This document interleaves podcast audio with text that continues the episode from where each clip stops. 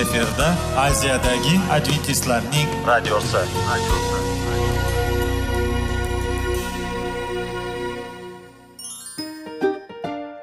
assalomu alaykum aziz radio tinglovchilar sog'liq daqiqasi rubrikasiga xush kelibsiz. Zero tananing sog'lom bo'lishi va uning kasalliklardan saqlash har bir insonning burchi hisoblanadi.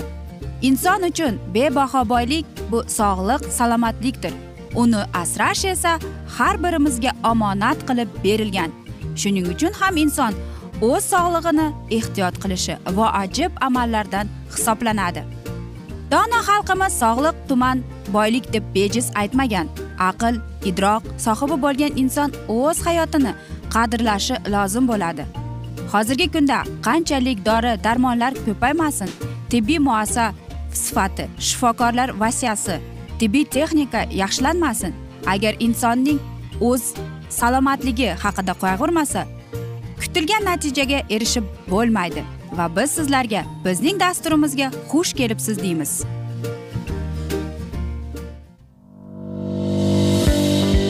Sog'liq daqiqasi soliqning kaliti qiziqarli ma'lumotlar faktlar. Har kuni siz uchun foydali maslahatlar. Sog'liq daqiqasi rubrikasi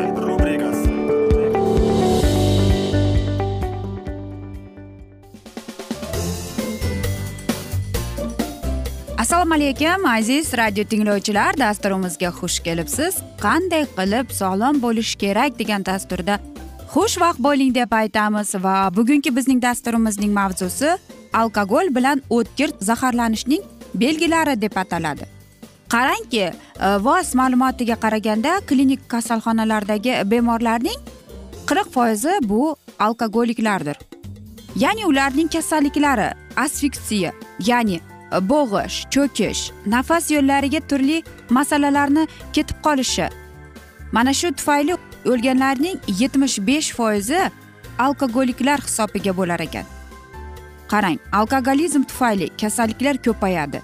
Venerik kasalliklar yuqtirishga o'ndan to'qqiz kishiga alkogolizm sabab ya'ni ichib olgan odam bu kasallikni tez yuqtiradi. Xo'sh piyanista odam bolalarni tarbiyalashni bilmaydi. Sanitar gigiyenik qoidalarni bilmaydi kun tartibiga rioya qilmaydi. Ichqibozlik bilan oilani barbod qiluvchi asosiy omil hisoblanadi. Alkogolni iste'mol qilganida turli darajada zaharlanish hosil bo'ladi. Alkogoldan zaharlanishning uchta darajasi bo'ladi. Birinchi daraja qo'zg'olish hosil bo'ladi. Eyforiya tetiklik qo'rqish harakat aktivligini tormozlanishi vujudga keladi. Biroz qizarish kam hollarda teri qatlamini oqarishi pulsni tezlashishi ishtahani yaxshilanishi jinsiy qobiliyatning ortishi kuzatiladi. Odam tetik saxiy ko'p narsalarni va'da qiladigan ko'p gapiradigan distansiya va taqdil sezgirligini yo'qotadi. Ichib olgan odam o'zining imkoniyatlariga yuqori baholaydi. Maqtanchoq bo'lib qoladi ko'pincha eyforiya bo'lish tajovuzkor qasoskor bo'lib qoladi. Bu holatlarning barchasi miya yarim sharlarda. Tormozlovchi jarayonlarni pasayishi hisobiga po'stloq ostki qismlar tormozlanganidan darak beradi. Ikkinchi daraja mastlik ya'ni markaziy nerv tizimining oliy bo'limlarining tormozlanishi bilan xarakterlanadi. Bunda umumiy zaiflik fikrlash tempini pasayishi yurishni sekinlashuvi nuqni buzilishi kuzatiladi. Muvozanati buziladi.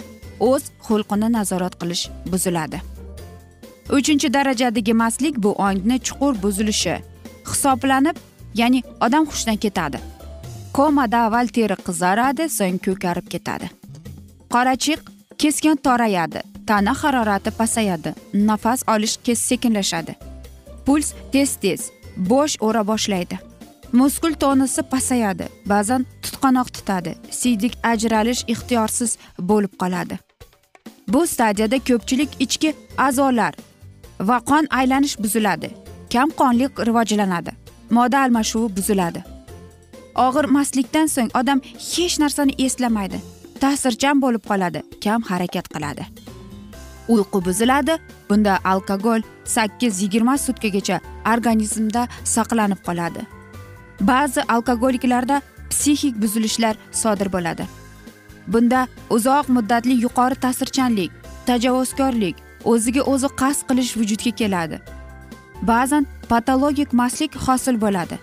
Bunda ongni tez o'zgarishi epileptik holat ro'y beradi. Bunda mast odam bitta so'z yoki gapni qaytaraveradi yoki jini bo'lib qoladi. Ba'zi hollarda esa antisotsial holat ro'y beradi. Albatta aziz do'stlar ichkilik ichkibozlik ko'p oilalarni barbod qilgan. Shuning uchun ham uni bilasizmi dushman deyiladi. Ya'ni yashil ilon dushmani deb.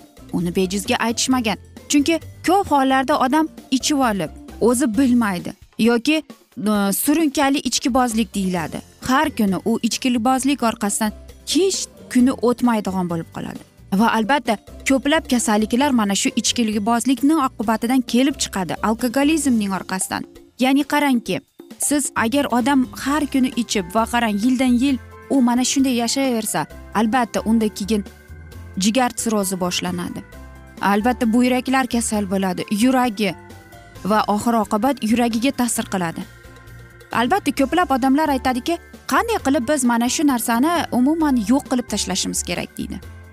Oddiy narsa aziz do'stlar hech narsa emas. Albatta bilasizmi aziz do'stlar alkogol yoki spirtli ichimliklar deganda biz o'ylanib qolamiz. Lekin mana shu narsani iste'mol qilayotgan odam o'zini qanday his qiladi va uni qanday qilib qutqarish kerak? Mana shunday umr zavolidan aziz do'stlar. Shuning uchun ham aziz do'stlar sog'liq deganda biz tetik turishimiz kerak biz jiddiy qarashimiz kerak. Albatta birda necha soatga u bizga qandaydir mana e, yuqorida aytganimizdek eyforiya berishi mumkin. Lekin biz mana shu eyforiyani orqasidan qancha sog'lig'imizni yo'qotamiz qancha bizning organlarimiz azob chekadi aziz do'stlar.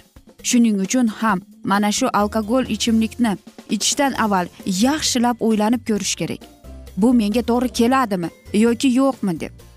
Sog'lom bo'lish uchun biz o'zimizni jinsiy ya'ni mana shunday aytaylik jismoniy mashqlar to'g'ri ovqatlanib o'zimizning ratsionimizga qarab axir hozir nima urfga kirgan? Albatta sog'lom turmush tarzi urfga kirgan.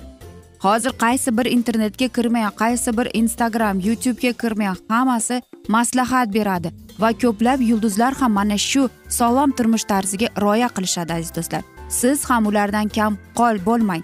Ulardan qolmaylik deymiz. Va aziz do'stlar mana shunday asnoda bilasizmi?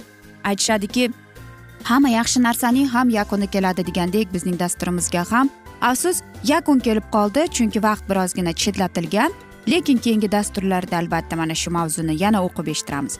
Va sizlarda savollar tug'ilgan bo'lsa biz sizlarni salomat klub internet saytimizga taklif qilib qolamiz. Va umid qilamanki bizni tark etmaysiz deb. Chunki oldinda bundanda qiziq bundanda foydali dasturlar kutib kelmoqda. Va biz sizlarga sog'lik tilagan holda xayrlashib qolamiz.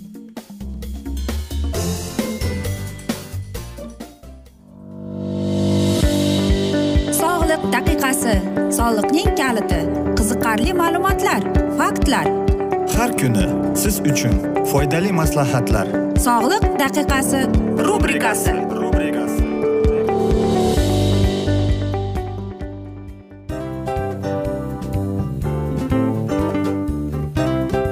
Mana ha hayotda hamma narsaning yaxshi narsalar tugaydi va yakunlaydi degandek bizning dasturimizga ham yakun keldi o'ylaymanki bizning dasturimiz sizga foydali bo'ldi deb aziz radio tinglovchimiz. Va siz o'zingiz uchun kerakli xulosalar kerakli maslahatlar olib oldingiz. Aziz radio tinglovchimiz biz bilan qoling va keyingi dasturlarimiz albatta undanda qiziqroq bo'ladi. Mana shu alfozda sizlar bilan xayrlashib qolaman.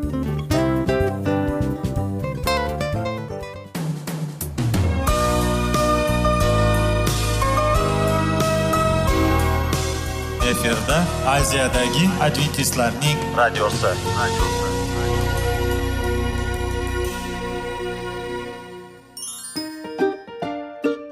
Assalomu alaykum aziz radio tinglovchilarimiz. Dil izhori dasturimizga xush kelibsiz. Pul insonni baxtli qiladimi? Albatta yo'q. Sog'liqchi. Albatta bo'lishi mumkindir. Lekin olimlar shuni isbotlashdiki to'liq va mukammal munosabatlar insonlarni baxtli qilar ekan. Albatta biz hayot davomida biz yaqin insonlar bilan odamlar bilan aloqada bo'lamiz va ular bilan munosabatlarimiz qanday kechadi qanday tuziladi? Yigit va qiz er va xotin ota ona va farzandlar va yaqin insonlar bilan.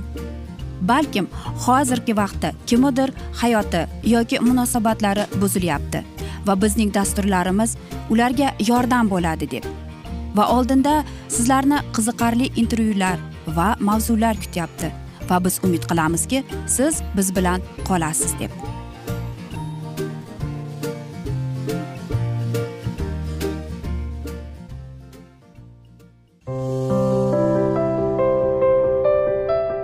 Har kuni har xil kasbdagi odamlar bilan sirlashish va bo'lishish sevgi rashq munosabat.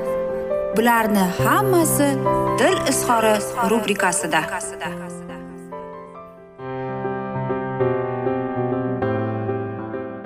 Assalomu alaykum aziz radio tinglovchilar. Dasturga xush kelibsiz.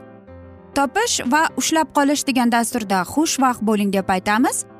Va bugungi bizning dasturimizning mavzusi oiladagi inqirozlar va ularning oqibatlari deb nomlanadi. Afsuski barcha oila ham ota ona va ular dunyoga keltirgan farzandlar bilan to'liq bo'lavermaydi. Taqdir taqozosi bilan ayrim oilalarda nizolar kelib chiqadi va uning oqibati sifatida nikoh barbod bo'ladi. Olimlar nikohning barbod bo'lishini o'rganib uning sabablari turlicha bo'lish mumkinligi to'g'risida o'z nazariya qarashlarini bayon etganlar. Masalan ayrim psixologlar ajrimlarni turtki konsepsiyasi orqali tushuntirishga urindilar. Ya'ni yaxshi tinch totuv yashayotgan oilada birdan shunday holat yuz beradiki? Masalan xiyonat o'lim xastalik rashq va shunga o'xshash voqealar turtki bo'ldiyu. Oila ustuni qulaydi. Aslida hayotda qo'qqisdan shunday bir silkinish yoki turtqi bilan oila birdan buzilib ketishi ham kam uchraydi. Yana bir holat olimlar fikricha orqaga ketish deb nomlanadi. Bu shunday holatki unga ko'ra er va xotinni yaxshi iliq munosabatlar bog'lab turgan lekin aynan muhabbat birdan sovib er xotin bir birini ko'rsa g'ashi keladigan e, gaplari yoqmaydigan nizokash bo'lib qoladi.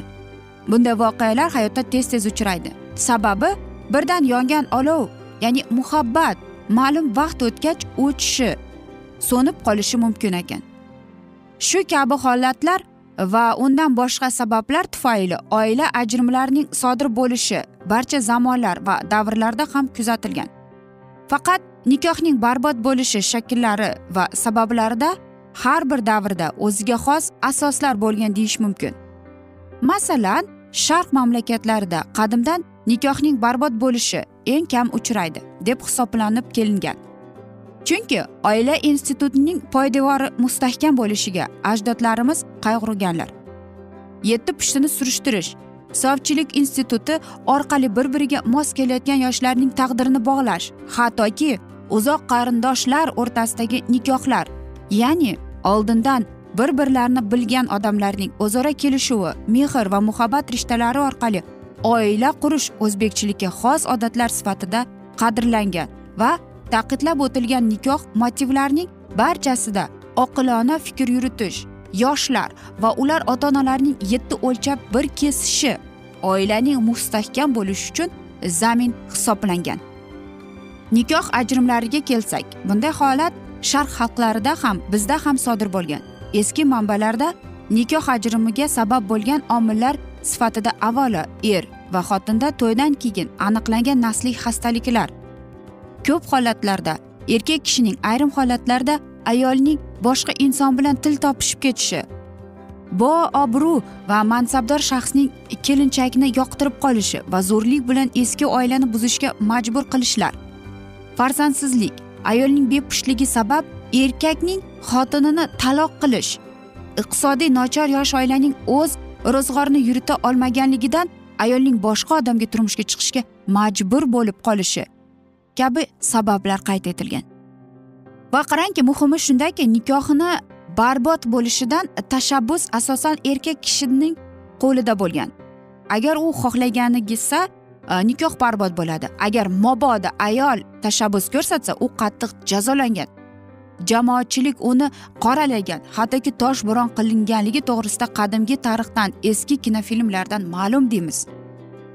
Boshqa xalqlarda o'ziga ham xos an'analar mavjud. Masalan qadimki xitoyda nikoh ajrimga olib keladigan sabablarga erining ota onasi ra'yiga qaramaslik ularga kelinning gap qaytarishi betga choparlik bepushtlik mahmadanolik bedava xastalik rashk qabilalar kirgan.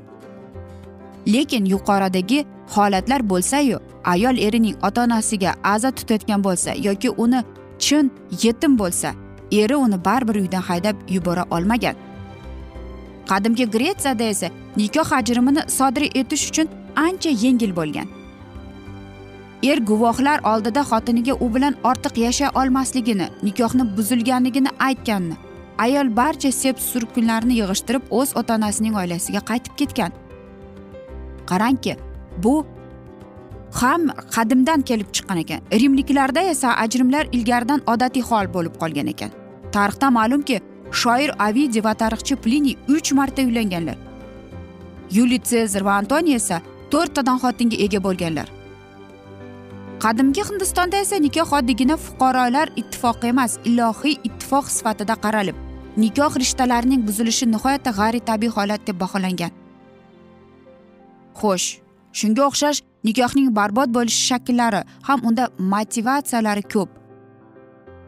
Lekin er xotinning xiyonatiga befarq qaraydigan xalqlar ham bor. Masalan afrikada. Dinga qabilasida er agar xotinini uning nazarida nodonroq bo'lsa ham bemazaroq ovqat pishirsa ham u bilan ajrashib ketaveradi. Albatta kulgili to'g'rimi aziz do'stlar? Qarangki rossiyada ham shunday oxirgi tadqiqotlarda ajrimlarning asosiy sabablaridan quyidagilar qayd etilmoqda. Ya'ni moddiy maishiy muammolar er va xotinning ichkilikka ro'y qo'yishi yoshlar uchun oilaviy qadriyatlarning pasayib ketishi deyiladi. Qarang aziz do'stlar agar biz mana shunday mavzuni davom ettiraversak bu tugamaydi. Shuning uchun ham aziz do'stlar keling o'z nikohimizni e, asrab avaylaylik bir birimizni sevaylik hurmat qilaylik deymiz. Biz esa mana shunday asnoda afsuski bugungi dasturimizni yakunlab qolamiz. Chunki vaqt birozgina chetlatilgan. Lekin keyingi dasturlarda albatta mana shu mavzuni yana o'qib eshittiramiz. Men umid qilamanki bizni tark etmaysiz deb chunki oldinda bundanda qiziq va foydali dasturlar kutib kelmoqda. Biz esa sizlarga sog'liq tilagan holda seving seviling deb xayrlashib qolamiz.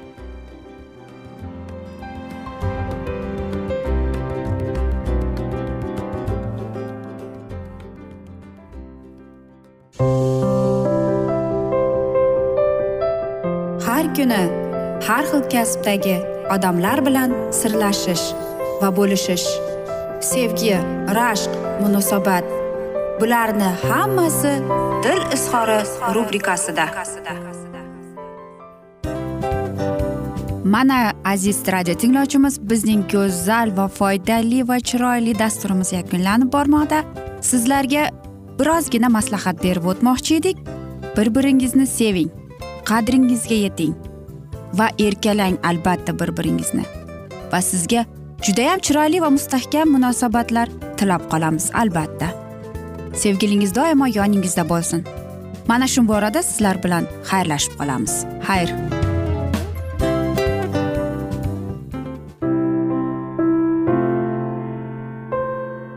Hayotning noni. Qiziqtirgan savollar va javoblar. Buning hammasi ko'ngil uchun oziqa rubrikasida.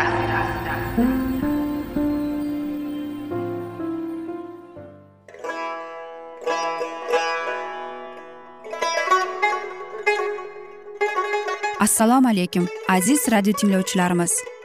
Ko'ngil uchun oziqa rubrikasida xush kelibsiz deymiz.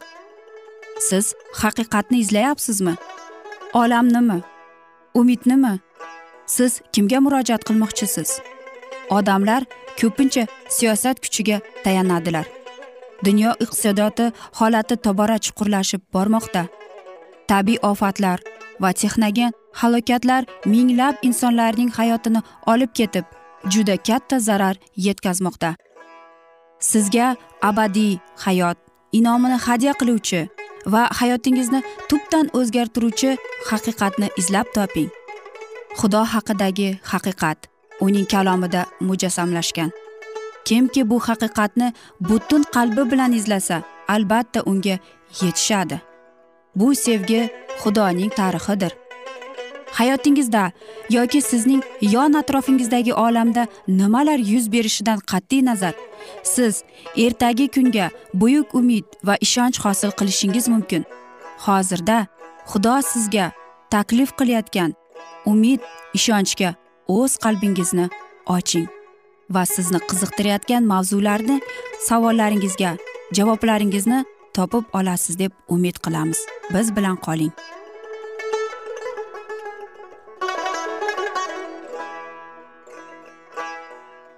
Assalomu alaykum aziz radio tinglovchilar. Dasturimizga xush kelibsiz va biz sizlar bilan ulug' otalar va payg'ambarlar degan dasturda xushvaqt bo'ling deb aytamiz.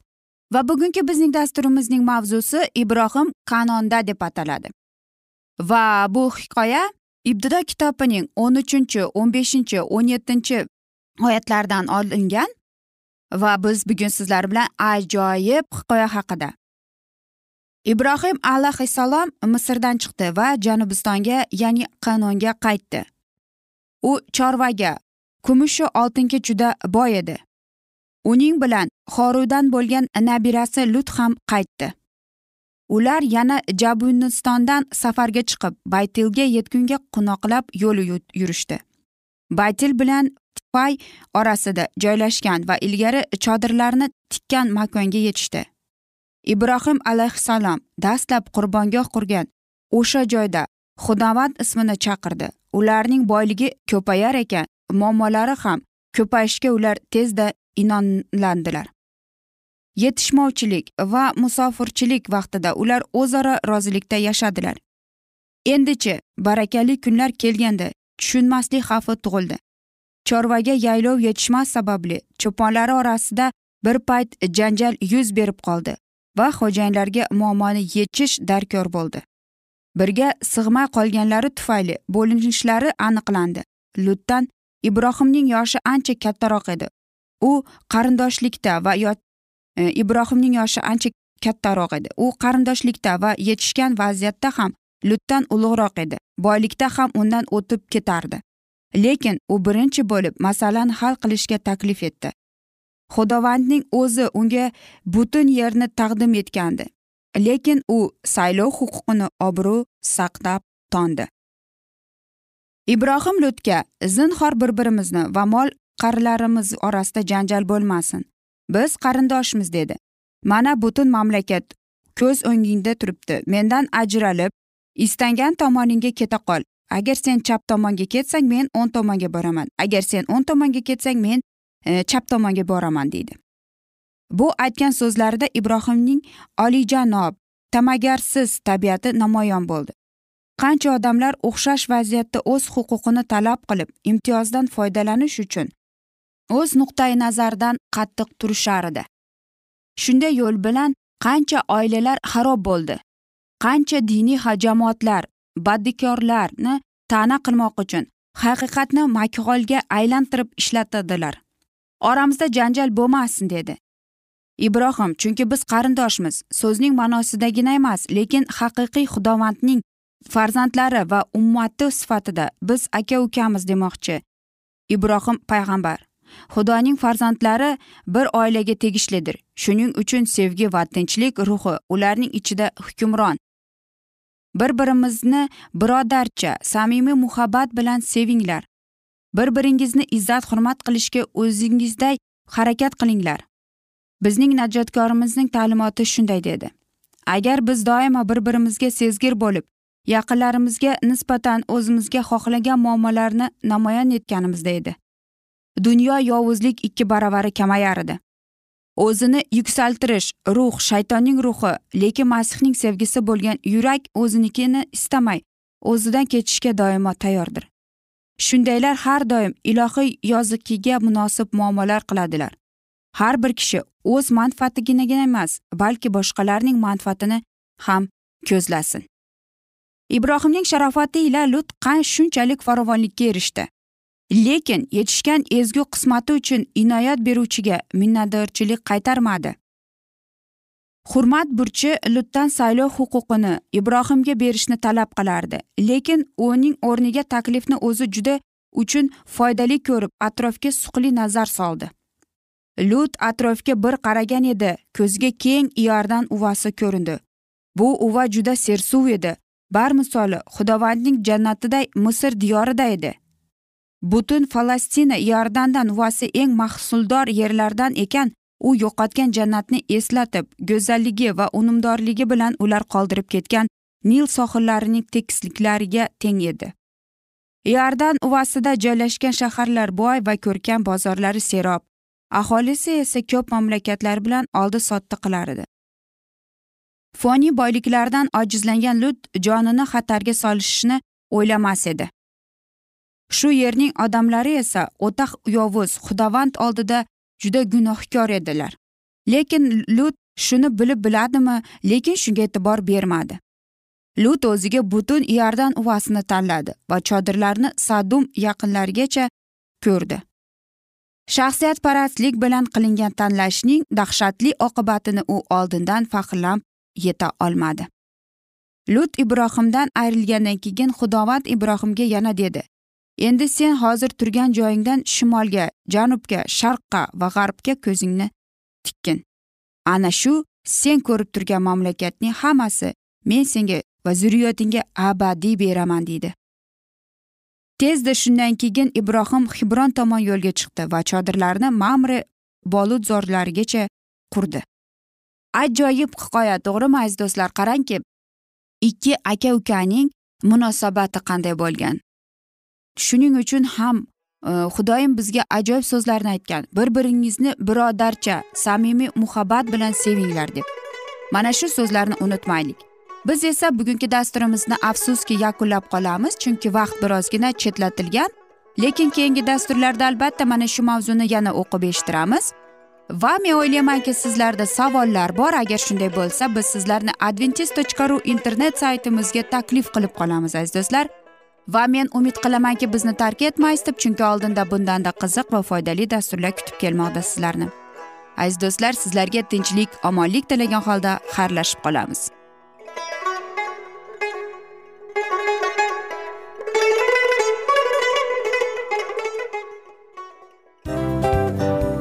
A afsus afsus.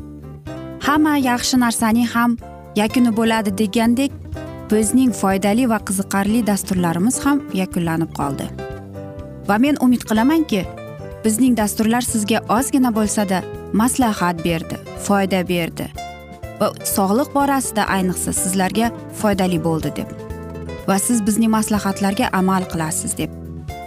Albatta keyingi dasturlarda undanda qiziqroq undanda foydaliroq ma'lumot berishga harakat qilamiz. Undada qiziqroq ko'rsatuvlar sizlarga hadya etishga harakat qilamiz. Bizni tanlaganingizga albatta sizlardan minnatdormiz. Sizlarga baxt omad va sog'liq tilab qolgan holda mana shu alfozda sizlar bilan xayrlashib qolamiz. O'zingizni ehtiyot qiling sog' bo'ling omad sizga xayr.